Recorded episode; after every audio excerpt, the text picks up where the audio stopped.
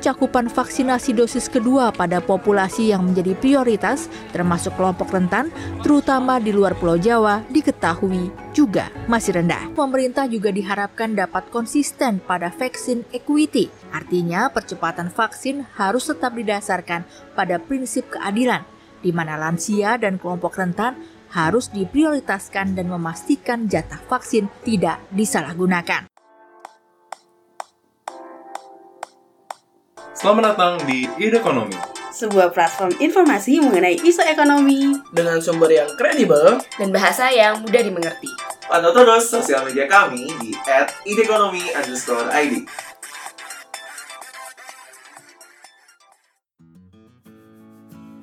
Episode ini adalah kerjasama ide ekonomi dengan LDFEBUI. Lembaga Demografi Fakultas Ekonomi dan Bisnis Universitas Indonesia didirikan pada 1 Agustus 1964 untuk menjawab pengaruh jumlah, komposisi, dan pertumbuhan penduduk terhadap pembangunan nasional di Indonesia. Para pendiri LDFEBUI mempunyai visi ke depan bahwa aspek demografi atau kependudukan merupakan salah satu faktor terpenting yang harus dimasukkan dalam model pembangunan, khususnya di negara yang sedang berkembang. Pemikiran di bidang demografi dipadukan dalam kebijakan pembangunan ekonomi yang sedang dilakukan oleh pemerintah untuk membuat rencana pembangunan jangka panjang. Hai ide listeners, selamat datang di Ide Ekonomi. Bersama saya Tari yang kembali mengudara biar ide listeners juga nggak bosen nih dengar suara host yang sepertinya belakangan ini lagi ramai sama Niko dan Rahma. Hari ini kita akan lebih santai aja ngobrolnya karena pembicara kita kali ini masih muda-muda dan sedang meniti karir menjadi ekonom ternama, terutama di bidang riset. Salah satunya sebenarnya sudah pernah kita undang di episode Ide Ekonomi tahun lalu. Saya mau menyapa mereka dulu. Di sini ada Mas Rahmat Reksa Samudra. Halo Mas oh. Reksa. Halo, Mbak Tari gimana kabarnya? Kabar baik, baik dan sehat. Kabar baik. Jadi mungkin saya uh, kembali memperkenalkan Mas Reksa. Mas Reksa ini adalah peneliti di Lembaga Demografi FEBUI dan sebelumnya juga pernah menjadi research analyst di Bank Dunia. Dan Mas Reksa memperoleh MA in Economics di University of Hawaii at Manoa. Dan di episode kali ini ada yang baru narasumber kita dan ini masih muda juga, bahkan jauh lebih muda dari Mas Reksa sepertinya kita di Ide Ekonomi kehadiran Muhammad Faisal, peneliti Lembaga Demografi FEBUI dan juga sebelumnya memperoleh gelar sarjana ekonomi dari kampus yang sama. Halo Mas Faisal. Ya halo Mbak Dari dan Ide Listeners. Halo, perkenalkan saya Faisal. Yeay, terima kasih banyak Mas Faisal. Senang sekali ada Mas Faisal dan juga aspiring economist yang hadir di um, Ide Ekonomi. Nah, Kedua narasumber ini kita hadirkan untuk bercerita mengenai salah satu hasil studi mereka di Lembaga Demografi FEBUI yang bekerja sama dengan UNESCO seputar kerentanan semasa COVID-19 di Indonesia dan bagaimana implikasi ketimpangan dalam respons kebijakan untuk pemulihan.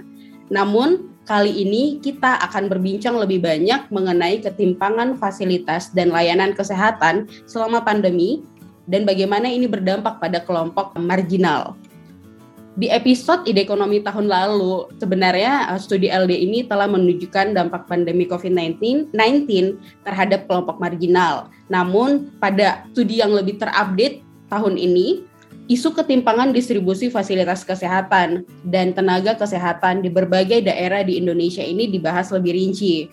Nah, di sini mungkin saya masuk ke pertanyaan pertama. Saya akan mulai dari Mas Faisal dulu sebagai yep. the young generation ya sebagai peneliti mudanya nih, Mas Faisal mungkin bisa diceritakan dulu bagaimana sebenarnya kondisi ketimpangan ini dan bagaimana ketimpangan tersebut berdampak pada akses kelompok rentan dalam mendapatkan fasilitas testing, tracing, dan juga treatment, Mas. Pertama mungkin kita dari prospek global dulu memang untuk penanganan COVID-19 masih terjadi inequality ya disparitas khususnya di negara berkembang di mana Indonesia masih berada di negara berkembang gitu ya.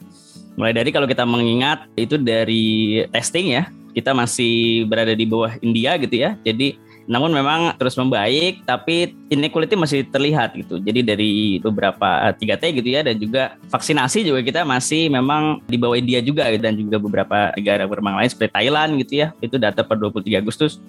Nah, tapi jadi kalau kita melihat dari sisi global memang persebaran dari penanganan COVID-19 memang masih inequality atau masih tidak merata gitu ya. Nah, Jadi dari global kita masuk ke penanganan di dalam negeri gitu ya. Jadi poinnya adalah kenapa kita fokus kepada inequality karena penanganan pandemi ini fokus dari pemulihan ekonomi gitu, pemulihan kesejahteraan gitu kan. Nah, jadi fokus kami adalah inklusivitas. Jadi kalau kita melihat ya fokus ke dalam negeri gitu ya. Nah, kita masuk langsung kepada persebaran inequality-nya dulu deh ya. Jadi nanti kita masuk ke testing, tracing, and treatment-nya seperti apa. Jadi kalau kita untuk seberapa besar gitu ya inequality-nya, itu kalau kita melihat ya ada beberapa poin ya di antaranya untuk vaskes dan nakes ya pada umumnya jadi kalau fasilitas kesehatan ya kalau kita lihat gitu ya terdapat ketimpangan dalam hal distribusi RSUD ya dan juga puskesmas gitu jadi ada dua tempat penanganan kesehatan utama kita gitu ya, rumah sakit umum daerah dan juga puskesmas masih terjadi ketimpangan. Nah, jadi kalau kita bandingkan dengan distribusi masyarakat miskin gitu ya, terdapat beberapa hal yang menarik gitu. Jadi kalau kita melihat untuk beberapa provinsi di Indonesia dengan tingkat ataupun dengan angka persentase penduduk miskin yang terbesar gitu ya, contohnya misalnya Papua gitu kan, Nusa Tenggara Timur gitu ya dan juga Papua Barat dan beberapa daerah lainnya gitu ya. Distribusi puskesmas dengan dokter umum gitu ya itu juga masih kecil. Kalau kita contohkan misalnya Papua, persentase penduduk miskin di angka 26,63 persen. Itu berdasarkan Susnas Maret ya 2020. Nah, jumlah puskesmas dengan dokter itu 214 gitu ya dari range antara 55 sampai 1085 di seluruh Indonesia, dia berada di 214. Yang lebih parah misalnya Papua Barat gitu ya, dengan tingkat kemiskinan itu di angka 21,34 persen. Nah, puskesmas itu hanya sekitar 95 unit.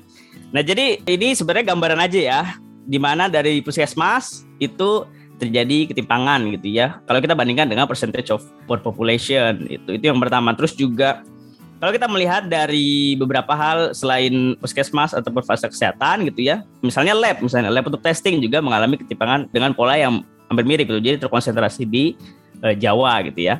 Nah, itu sih yang yang pertama yang ingin saya sampaikan ya sebelum masuk ke testing, tracing and treatment. Itu sih.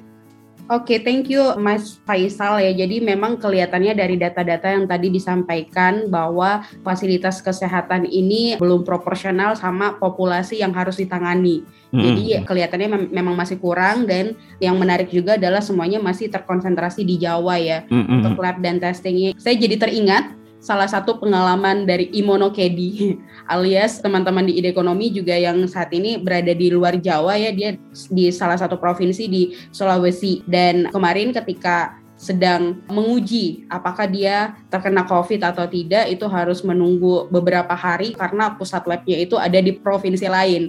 Jadi hmm, hmm. data-data yang tadi disampaikan sebenarnya kalau dari kami di tim ide ekonomi itu tidak baru mendengarkannya sekarang karena kita hmm, sudah melihat anekdotal evidence-nya sebelumnya dari tim kami sendiri ya Mas ya. Cuman kalau misalnya dari fasilitas kesehatan dan layanan kesehatan yang timpang ini Mas jadi ini berarti menghambat testing, tracing, dan treatmentnya ya? Iya, sekarang kita masuk ke tes, testing, tracing, dan treatment gitu ya. Yang pertama untuk dari sisi testing tadi kita sudah sampaikan untuk distribusi lab ya yang mampu untuk ataupun yang uh, berdasarkan Kementerian Kesehatan gitu ya yang yang bisa melakukan testing uh, eh, COVID-19 laboratorium yang bisa melakukan testing itu memang terjadi ketimpangan gitu apalagi kalau kita melihat angkanya itu di ya tentu ya di luar Jawa ya Contohnya misalnya di Sulawesi gitu ya, Sulawesi Barat tuh hanya cuma satu gitu. Di Gorontalo juga cuma satu. Nah Gorontalo misalnya contohnya ya cuma satu gitu. Nah bagaimana bisa mengakomodasi gitu kan yang yang tadi sudah disampaikan dan juga kita melihat juga Maluku hanya lima gitu ya. Dan juga tentunya Papua juga masih timpang gitu. Ya. Itu dari dari laboratoriumnya nih. Nah jadi dari laboratoriumnya itu masih terjadi ketimpangan fasilitas ya untuk melakukan testing sehingga dari sisi supply atau dari sisi penyediaan masih masih perlu ditingkatkan lagi kembali gitu ya. Masih perlu dipemeratakan. Yang kedua dari sisi testingnya gitu ya. Dari sisi tools untuk testingnya ya. Kita mengingat memang ada ada tiga ya. Ada tiga cara untuk mendeteksi COVID-19 yaitu adalah rapid dan juga antigen ya dan juga PCR ya. Walaupun ya kita tahu bahwa WHO merekomendasikan PCR ya sebagai gold standard untuk untuk testing gitu. Nah kalau kita melihat dari toolsnya sendiri ya selain tadi distribusinya memang masih belum merata di seluruh Indonesia, ketercapaian atau affordable itu juga masih menjadi pertanyaan. Jadi kalau kita mengingat ya di April 2020 range harga untuk PCR itu antara 900 ribu sampai 1 juta gitu. Di mana itu tentu lebih tinggi ya dibanding dengan expenditure per kapita untuk 40% masyarakat di bawah 40% gitu ya. ya. Belum kita bicara dengan masyarakat di bawah garis kemiskinan ya. Di 40% aja itu masih tentu masih tinggi gitu kan, masih di atas. Nah, namun memang kita mengapresiasi bahwa pemerintah terus mengupayakan ya penurunan harga gitu untuk tes PCR gitu ya. Seperti yang kita tahu nih untuk di tercatat ya untuk 17 Agustus kemarin gitu ya 2021 itu sudah sekitar di Jawa Bali itu 495 ribu atau di bawah 500 ribu. Nah, tapi di luar Jawa Bali masih 525 ribu. Nah, di sini ya tentu kalau kita melihat gitu ya, kita mengingat nih untuk garis kemiskinan di September itu ya, itu ada sekitar 485 ribu. Tentu ini masih di atas tingkat daya beli dari masyarakat miskin itu. Jadi untuk konsumsi satu bulan saja itu 485 ribu, jadi masih di bawah harga dari tes PCR. Apalagi apalagi untuk melakukan testing tersebut gitu ya tentunya akan mengganggu konsumsi dasar dari masyarakat miskin. Nah itu sih poinnya. Jadi dari fasilitas dan juga dari tools melakukan teks testingnya juga memang terjadi hal-hal yang memang harus kita sama-sama perbaiki sih. Itu sih poinnya sih. Gitu. Nah itu dari sisi testing gitu ya. Nah kalau dari sisi tracing, nah kita melihat memang untuk tracing Indonesia itu memang pada dasarnya bukan hanya dari eh, tenaga kesehatan gitu ya, tapi juga meminta bantuan dari Babinsa ya, Bintara Bina Desa, dan juga memang untuk infrastruktur dan juga instrumen untuk melakukan tracing itu memang mungkin usahanya memang sudah oke okay gitu ya. Tapi kita mengingat bahwa kembali bahwa tracing itu juga bergantung ataupun dipengaruhi oleh terkait dengan mobilitas masyarakat gitu ya. Jadi balik lagi bahwa kontrol terhadap mobilitas masyarakat juga penting dalam hal tracing gitu ya. Di, di samping memang usaha pemerintah sudah bekerja sama dengan pihak-pihak terkait itu sudah baik gitu kan. Nah kalau kita mengingat memang pada saat varian Delta kemarin masuk, ya memang semua fokus kepada pemulihan ya. Jadi treatment gitu ya. Nah jadi di sini memang oleh sebab itu tracingnya ini terganggu gitu karena memang treatmentnya sudah ya bahkan uh, sempat melebihi kapasitas kesehatan kita gitu. Jadi di sini memang pada dasarnya untuk tracing sudah baik gitu ya, usahanya sudah bekerja sama dengan beberapa pihak-pihak yang memang sudah terkait gitu ya. Tapi perlu diperhatikan kembali bagaimana kontrol terhadap mobilitas masyarakat. Itu itu dari tracing gitu ya.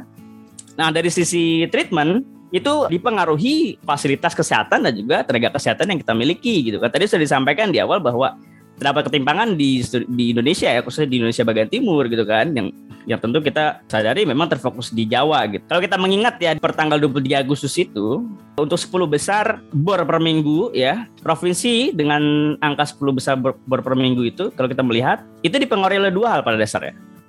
Antara memang dia itu fasilitas kesehatannya kurang atau tenaga kesehatannya tidak memadai kecuali Bali. Nah, Bali memang kasus yang berbeda. Itu sih kalau dari sisi testing, tracing dan treatment itu sih Kak. Kira-kira seperti itu ya. Thank you Mas Faisal. Sebenarnya ada satu yang sangat ingin saya highlight ya dan ini sangat menarik tadi soal um, di testing walaupun sebenarnya sudah di, dibilang tadi upaya yang dilakukan pemerintah memang sudah semakin baik ya kelihatannya. Cuman di sini saya mencatat dan juga tadi Mas Faisal sempat menyebutkan bahwa harga dari tes PCR ini masih lebih tinggi daripada daya beli masyarakat miskin ya dan itu menjadi hal yang menarik juga untuk kita bahas dan itu terkait sama ada pertanyaan titipan nih dari ide listeners dari Maria Trinity. Sekarang ya setahu okay, saya okay. harga PCR itu 495.000 ya. Tadi Mas Faisal hmm. bilang garis kemiskinan itu secara nasional kira-kira di kisaran 485 ribu. Nah tapi hmm. kalau misalnya kita ngeliat di tiap-tiap provinsi dan bahkan kabupaten kota ini kan pasti beda-beda lagi nih hmm, betul, garis kemiskinannya. Ya. Urban ruralnya juga beda. Nah betul. Nah di sini mungkin saya bisa melihat dari Aceh aja nih ya. Sembari saya melihat data BPS 2020 di Aceh itu garis kemiskinannya 522 ribu. Jadi lebih tinggi lagi dari harga PCR itu tadi. Mm -hmm. Nah di sini ide listeners ada Maria Trinity bertanya, bisa nggak sih kalau misalnya tes-tes untuk melihat COVID-19 itu PCR, antigen, atau bahkan nanti vaksinasi, tapi vaksinasi akan kita bahas lebih lanjut nanti, itu dibikin gratis aja mas, bisa nggak tuh?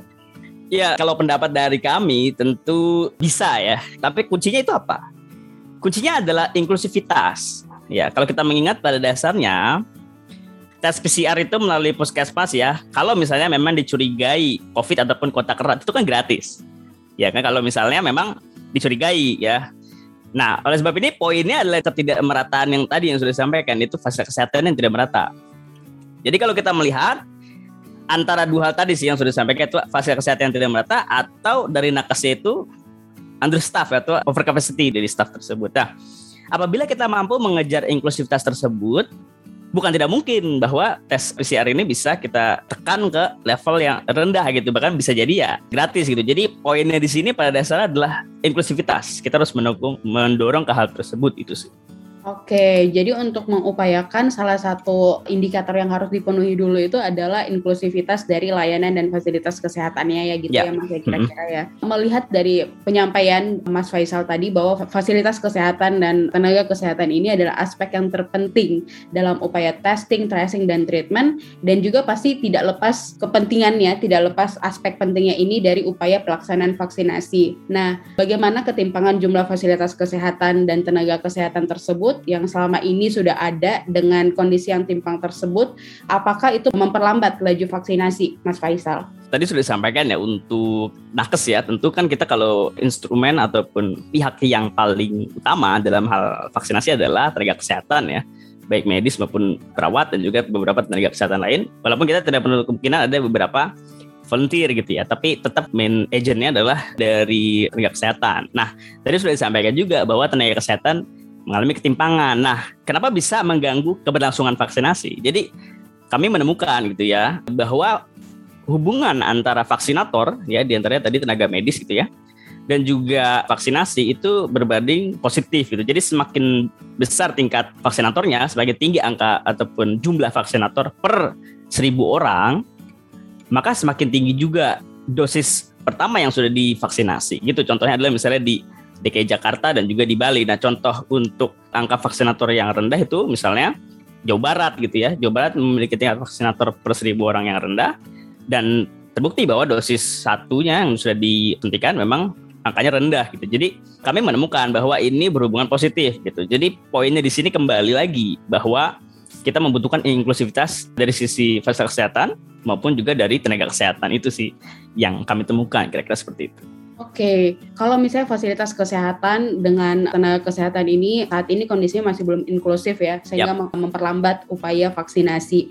Nah, eh, dengan laju vaksinasi yang lambat ini berarti tentunya karena orang masih belum bebas untuk bermobilisasi secara sosial ya, hmm. itu berarti akan berdampak pula pada pemulihan ekonomi kelihatannya. Tapi saya akan meminta penjelasan dari Mas Reksa di sini. Mungkin Mas Reksa bisa memberikan kita pencerahan bagaimana hubungan antara laju vaksinasi ini dan juga pemulihan ekonomi. Silakan Mas Reksa.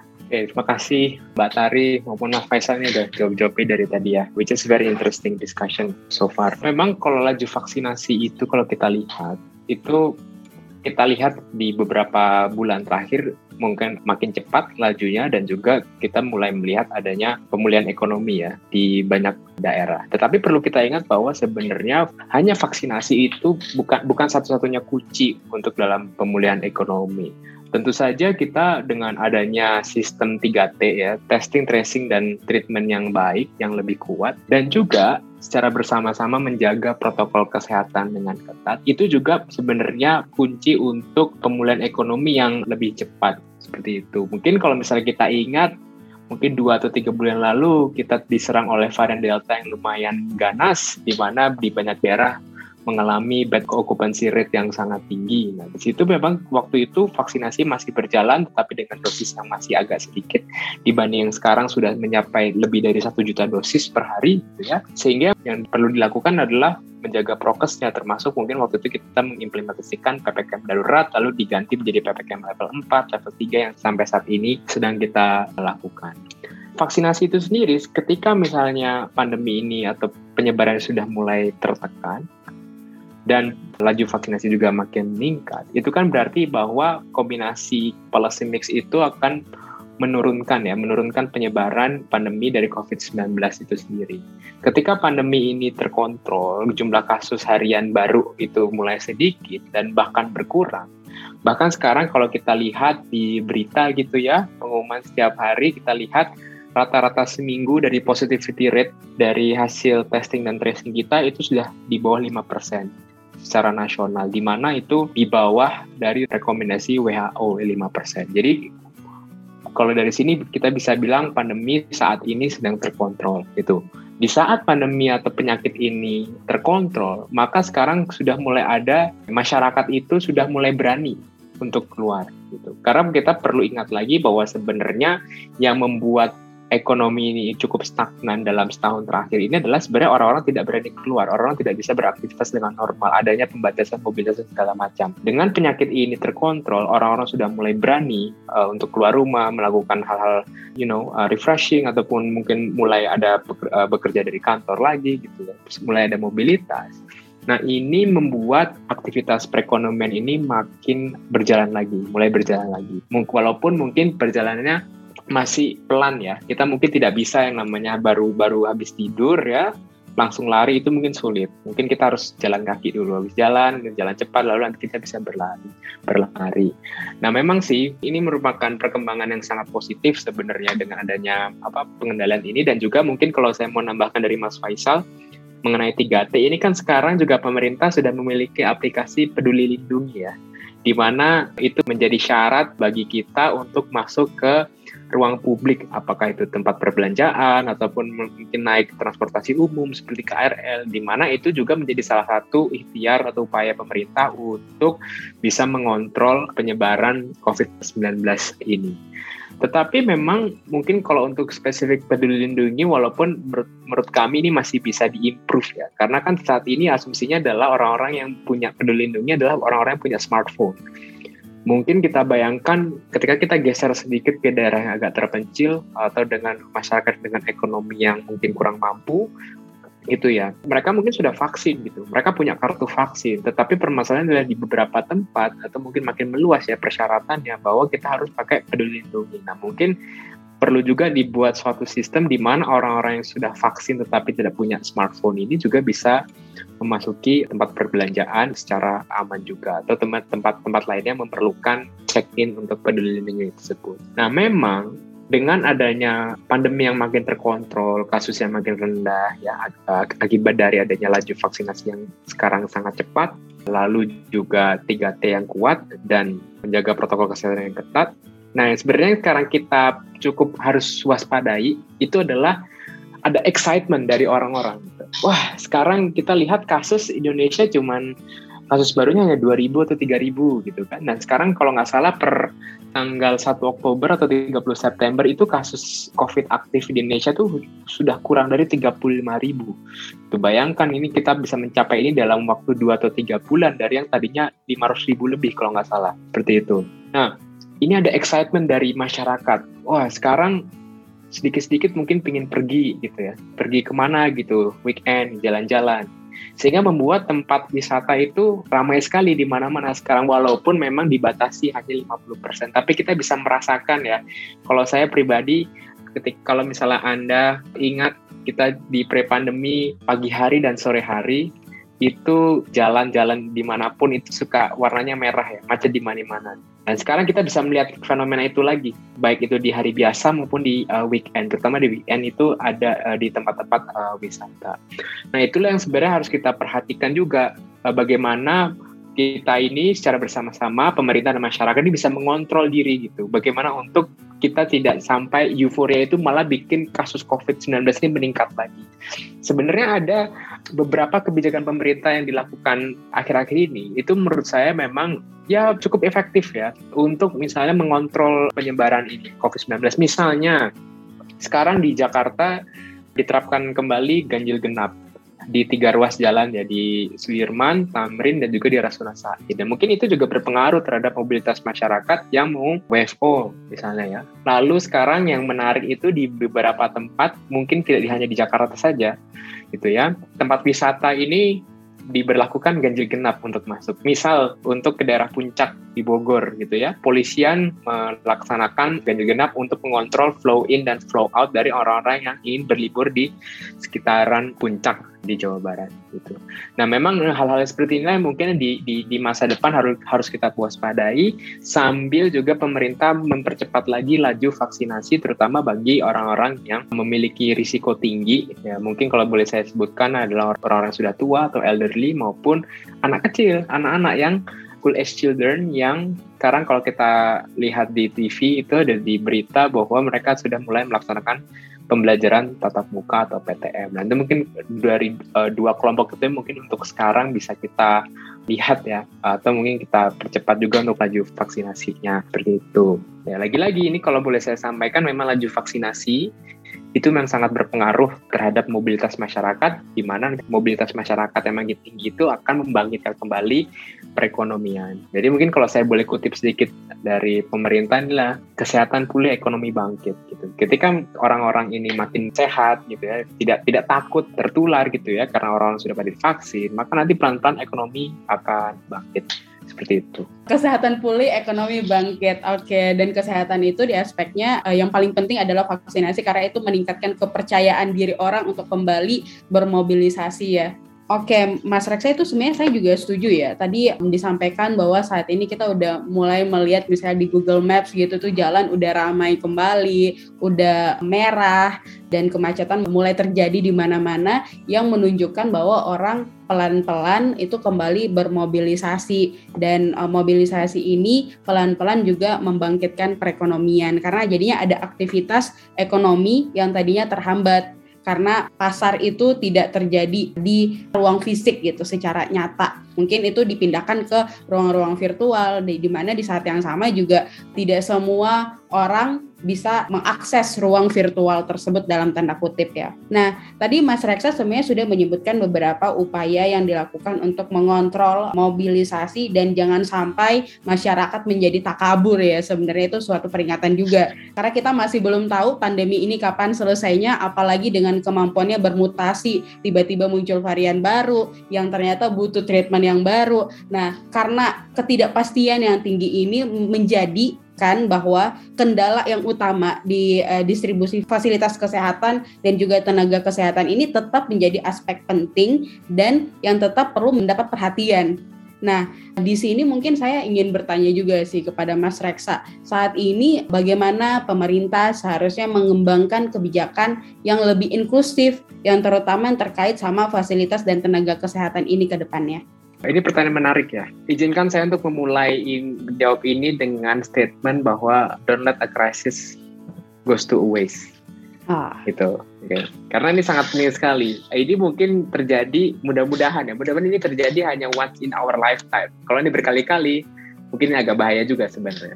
Nah sebenarnya eh, pandemi ini telah memberikan kita opportunity yang sangat besar untuk melakukan reformasi di banyak hal sebut saja reformasi yang yang sedang kita bahas ini adalah reformasi di sistem kesehatan. Bagaimana kekurangan-kekurangan yang di masa lalu ini yang perlu diperbaiki secara tepat dan cepat gitu ya. Penguatan sistem kesehatan ini ini bisa dilakukan baik dari sisi kuantitas maupun kualitas. Dan itu kita bisa aim itu di dalam hal jumlah dan kualitas fasilitas kesehatan dan juga untuk tenaga kesehatannya sendiri.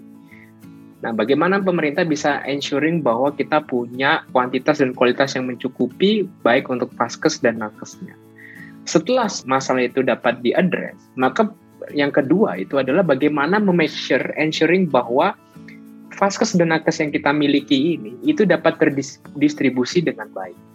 Kita tahu bahwa kebanyakan fasilitas kesehatan tingkat wahid ya atau yang utama itu banyaknya tersedia di Pulau Jawa. Sedangkan di luar Pulau Jawa itu mungkin ada, tetapi memang jumlahnya tidak sebanyak yang ada di Pulau Jawa. Sehingga kita perlu memfokuskan strengthening sistemnya itu terutama untuk di daerah-daerah yang tadinya emang mungkin agak tertinggal dalam segi infrastruktur baik dari sisi fasilitas maupun dari sisi tenaga kesehatannya sendiri. Nah, ketika kita punya sistem yang kuat dalam hal kuantitas dan kualitas vaskes dan nakes yang cukup serta distribusinya merata dari Sabang sampai Merauke. Nah, mungkin nanti kita respons untuk sistem kesehatan sendiri ketika kita dihadapi dengan hal yang sama, kita akan lebih siap. Seperti itu. Kita mungkin tidak akan sampai memiliki tingkat bed occupancy rate yang mungkin sudah 90% lebih gitu ya. Mungkin itu bisa lebih terhandle dengan baik seperti itu. Itu yang pertama, kita memperkuat sistem kesehatan di negara kita. Yang kedua adalah yang krusial dan ini sebenarnya ini lomba, kita berlomba dengan waktu. Jangan sampai kita mungkin mengalami gelombang-gelombang lainnya ya atau mungkin mutasi dari varian lain. itu adalah kita juga harus mempercepat laju vaksinasi, terutama di daerah dengan risiko penyebaran yang tinggi, daerah yang memiliki fasilitas kesehatan yang terbatas, dan juga mungkin daerah-daerah yang memiliki banyak penduduk yang memiliki risiko tinggi, seperti penduduk lansia maupun penduduk yang masih muda yang masih sekolah gitu terutama sekolah yang masih bisa divaksin seperti itu dan juga jangan lupa kita juga perlu mempercepat laju vaksinasi mungkin di daerah-daerah yang sangat remote ya, yang belum belum bisa terjangkau dengan mudah seperti itu. Nah, pemerintah memang sudah melakukan banyak hal, banyak sekali hal, terutama Kementerian Kesehatan untuk mempercepat laju vaksinasi. Apakah itu ber, bermitra dengan TNI, bermitra dengan Polri, maupun perusahaan-perusahaan swasta, ataupun NGO untuk bagaimana kita bisa membuat sentra vaksinasi ya di daerah-daerah gitu, di mana sehari bisa berapa ribu dosis gitu ya yang diberikan seperti itu. Dan itu memang membuahkan hasil. Sekarang kita sudah melihat laju vaksinasi sudah melebihi satu juta atau satu setengah juta dosis per hari gitu yang bisa disuntikkan di mana mungkin kalau kita compare beberapa bulan lalu wah sampai satu juta aja lumayan sulit seperti itu dan mungkin kita juga untuk beberapa penduduk atau masyarakat yang takut divaksin, ya mungkin kita bisa memberikan juga layanan door-to-door vaccination. Gitu. Mungkin di beberapa daerah ada orang-orang yang mungkin terlalu jauh gitu ya, puskesmas mungkin karena remote area ya, terlalu jauh gitu sehingga harus si TNI atau Polri yang mendatangi rumahnya sehingga bisa divaksinasi. Karena sebenarnya kalau di Indonesia itu problem kami lihat permasalahan divaksinasinya adalah bukan karena orangnya yang tidak mau, gitu ya. Tetapi lebih karena akses. Jadi orang-orang yang memiliki akses yang terbatas itu mungkin kita bisa jangkau mereka secara langsung. Dan mungkin juga yang hal yang menarik dilakukan di beberapa tempat ya itu memberikan insentif untuk memperlebar coverage dari vaksinasi. Misal ada di Kabupaten Bogor itu ada pemberian ayam gratis ya gitu untuk agar si si penduduk di sana itu mau mau divaksin. Dan itu juga dilakukan di banyak negara, misalnya di Amerika gitu kan, ada state yang memberikan lotre gitu. Tapi mungkin kita tidak akan sampai sana, tapi setidaknya ada effort-effort yang dilakukan pemerintah maupun pihak terkait untuk mempercepat laju vaksinasi ini, seperti itu. Dan mungkin kalau yang ketiga itu adalah kita membahas secara makronya ya, secara anggaran. Karena kita tahu pandemic handling ini ini pasti berhubungan erat dan bagaimana uang yang kita punya gitu. Yang yang terrefleksikan di APBN sebenarnya saat ini sejak tahun 2020 pemerintah sudah meluncurkan program PEN program uh, pemulihan ekonomi nasional.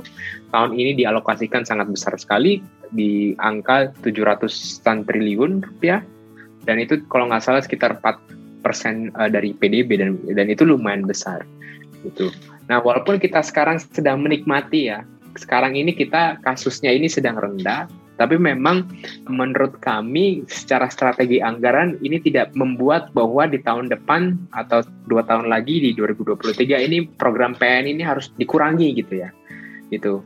Mungkin program PN ini mungkin ada yang harus dikurangi di beberapa cluster karena kalau kita tahu PN itu kan ada lima cluster ya, ada kesehatan, perlindungan sosial, insentif bisnis gitu lalu ada dua lainnya gitu nah mungkin yang harus kita retain atau kita pertahankan dari program PEN ini adalah program-program yang terkait dengan kesehatan dan perlindungan sosial gitu kesehatan ini penting sebagai respons pemerintah itu untuk membuat pandemi ini tetap terjaga gitu. terjaga dalam artian kita kita tidak bisa menampik bahwa kasus itu akan nol mungkin nggak bisa gitu ya tetapi kita harus bisa ketika uangnya dibutuhkan itu kita bisa mengontrol pandemi ini sehingga kita bisa kasusnya rendah lagi seperti itu. Itu dari sisi kesehatan. Itu mungkin memperkuat dari sisi 3T maupun juga vaksinasi gitu.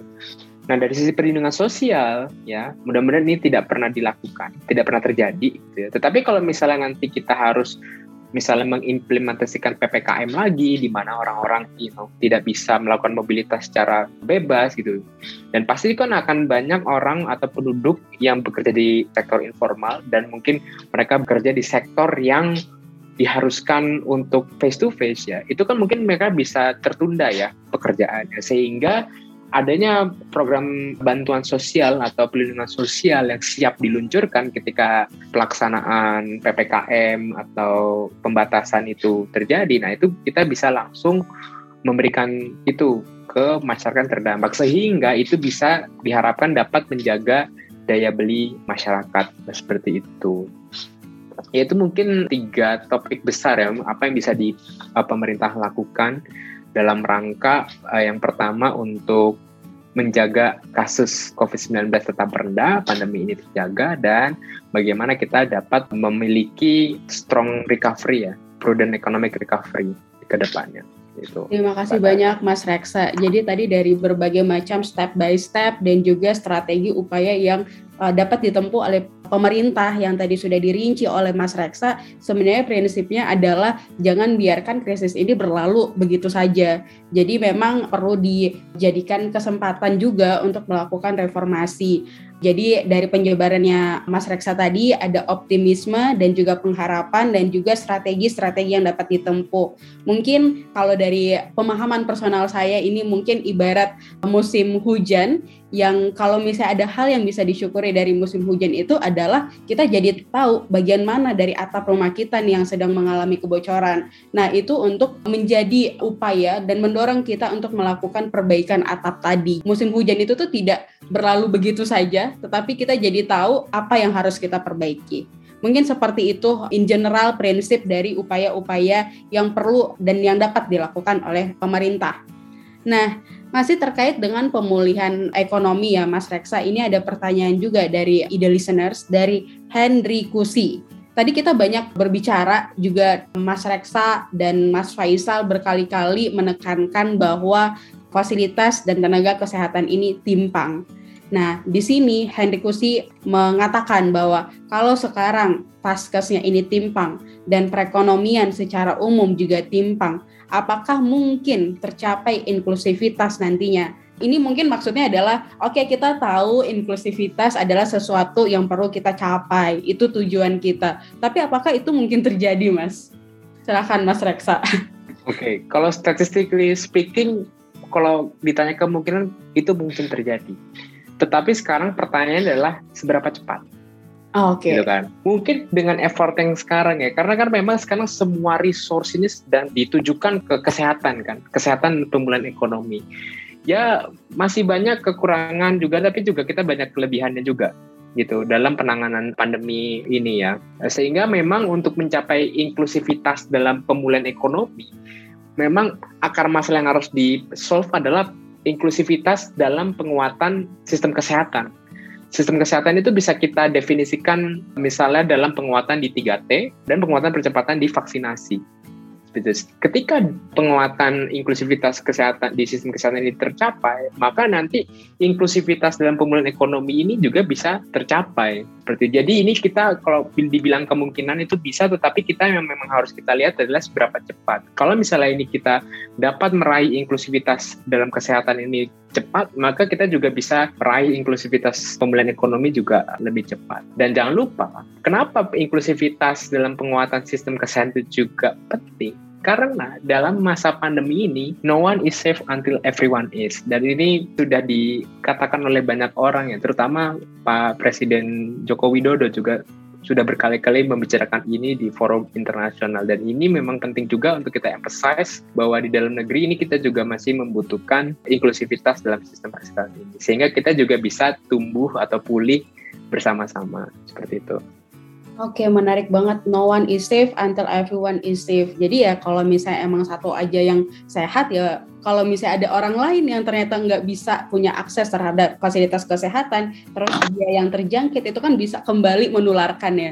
Jadi ya ini nggak akan berakhir sampai semua mendapatkan kesetaraan mungkin dalam fasilitas kesehatan yang baik ya. Oke, ini tanpa terasa kita sudah berbincang selama 35 menit dan mungkin saya ingin memberikan kesempatan untuk Mas Reksa ataupun Mas Faisal untuk closing statementnya. Mungkin dengan memberikan analogi mengenai inti perbincangan kita hari ini mengenai bagaimana dampak ketimpangan fasilitas dan layanan kesehatan pada program vaksinasi ini dan upaya pemulihan ekonomi. Mungkin saya berikan kesempatan kepada Mas Faisal. Silakan Mas.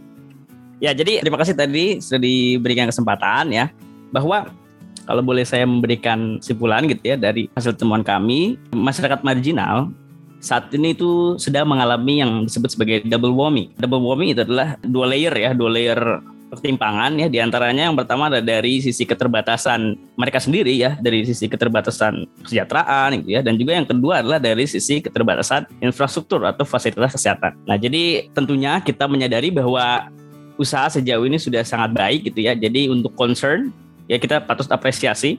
Jadi dari vaksinasi itu juga ditargetkan untuk kelompok-kelompok masyarakat tertentu gitu ya itu sudah sangat baik dan juga untuk people with disability ya masyarakat disabilitas juga memang sudah dikonsenkan gitu ya jadi untuk niat memang sudah oke okay. tentunya tadi ya saya mengacu kepada pernyataan dari Kareksa juga gitu ya bahwa memang tidak boleh ada yang tertinggal gitu kan jadi memang fokusnya adalah no one left behind gitu jadi jangan sampai ada kelompok masyarakat ataupun provinsi ataupun masyarakat Indonesia yang memang tertinggal dalam hal penanganan pandemi ini gitu. Jadi tujuan bersama ataupun Indonesia bebas dari pandemi itu mungkin dicapai apabila kebijakan itu difokuskan kepada kelompok-kelompok tertentu tentunya yang memang berisiko gitu ya dan juga dari sisi masyarakat juga memang memiliki kesadaran yang tentu baik gitu ya dan juga keberlanjutan dari kesadaran tersebut. Jadi jangan sampai tadi ada euforia dan lain. Itu sih dari dari saya terima kasih banyak. Thank you Mas Faisal sekali lagi menekankan bahwa kelompok rentan di masa pandemi ini mengalami double whammy atau pukulan ganda ya. Jadi ya. mereka sepertinya kayak sudah terjatuh tertimpa tangga pula mm -hmm. nih kelompok-kelompok rentan ini. Jadi memang dibutuhkan kebijakan mungkin yang lebih targeted untuk membantu mereka beradaptasi dan di saat yang sama masyarakat in general pun tidak boleh takabur atas yep. um, kalau misalnya mereka sudah dapat vaksin, tetapi juga harus tetap memperhatikan 3T dan juga protokol kesehatan. Kalau dari Mas Reksa ada yang ingin disampaikan Mas sebagai pesan-pesan akhir mungkin closing statement. Closing statement tentunya untuk mencapai pemulihan ekonomi yang kita inginkan, kita dambakan. Bahkan apabila kita ingin melakukan hal-hal eh, seperti sebelum pandemi, yang saya yakin semua orang pasti kangen juga ya. Tapi saya tidak kangen dengan macetnya. Hmm. itu adalah pertama percepat laju vaksinasi harian sehingga kita bisa mempercepat kalau saya boleh bilang mungkin herd immunity kali ya. Itu sehingga orang-orang juga makin pede untuk melakukan aktivitasnya gitu. Dan yang kedua selain vaksinasi ini harus komplement dengan penguatan 3T juga gitu. Kita tidak bisa sembarangan juga bahwa ada daerah yang melakukan under testing dan segala macam. Ya, kuncinya adalah kita mencoba tracing ini bisa selalu di bawah 5% dari WHO. Yang di mana sekarang kita sudah, Alhamdulillah kita sudah mencapai hal tersebut. Positivity rate di bawah 5%. Nah, yang ketiga, ini untuk semuanya, itu adalah kita selalu menjaga protokol kesehatan pakai masker ke mana pun ketika Anda di luar rumah, sebenarnya untuk menjaga diri Anda sendiri dan menjaga orang lain. Gitu. Apabila merasa tidak sehat, jangan keluar rumah. Sama jangan pernah terpikir untuk keluar rumah jika Anda merasa tidak sehat. Dan saya kira dari tiga hal itu itu saling saling mengisi ya. Bagaimana kita bisa dapat meraih pemulihan ekonomi yang lebih cepat dan mungkin lebih inklusif juga gitu. Terima kasih banyak Mas Reksa, banyak sekali nasihat dari ekonom muda kita ini tentang bagaimana menjaga protokol kesehatan, apa saja hal-hal yang perlu kita ingat atau pertimbangkan kembali saat kita ingin kembali beraktivitas outdoor, yang tentu ini juga untuk kebaikan bersama. Nah, teman-teman ide listeners, demikian percakapan kita kali ini tentang dampak ekonomi mengenai ketimpangan fasilitas dan layanan kesehatan selama pandemi dan bagaimana ini berdampak pada uh, kelompok rentan. Terima kasih Mas Reksa dan juga Mas Faisal sudah hadir dan berbagi di ide ekonomi. Semoga ide listeners bisa menikmati pengetahuan-pengetahuan dan juga wawasan dari laporan studi yang mereka tulis bersama Ibu Ruri dari Lembaga Demografi. Nah, untuk lebih rinci mengenai laporan kali ini atau mengenai studi ini nanti bisa dicek dan juga diakses akan rilis segera jadi bisa dipantau terus di website Lembaga Demografi di ldfebui.org atau di UNESCO Inclusive Policy Lab karena ini merupakan studi kolaborasi antara LDFUI dan juga UNESCO. Semoga bisa segera rilis karena saya pribadi sangat penasaran sama hasil studinya dan apa yang bisa Indonesia lakukan. Karena kita tahu kita mimpinya adalah uh, kesehatan pulih perekonomian bangkit, tapi kayak tadi masih banyak sekali hambatan dan bagi seberapa cepat kita beradaptasi itu menjadi sangat penting. Terima kasih sekali lagi Mas Reksa dan Faisal, thank you for coming and ide listeners demikian episode kali ini. Saya Tari, saya undur diri dan sampai jumpa di episode ide ekonomi lainnya. Bye bye.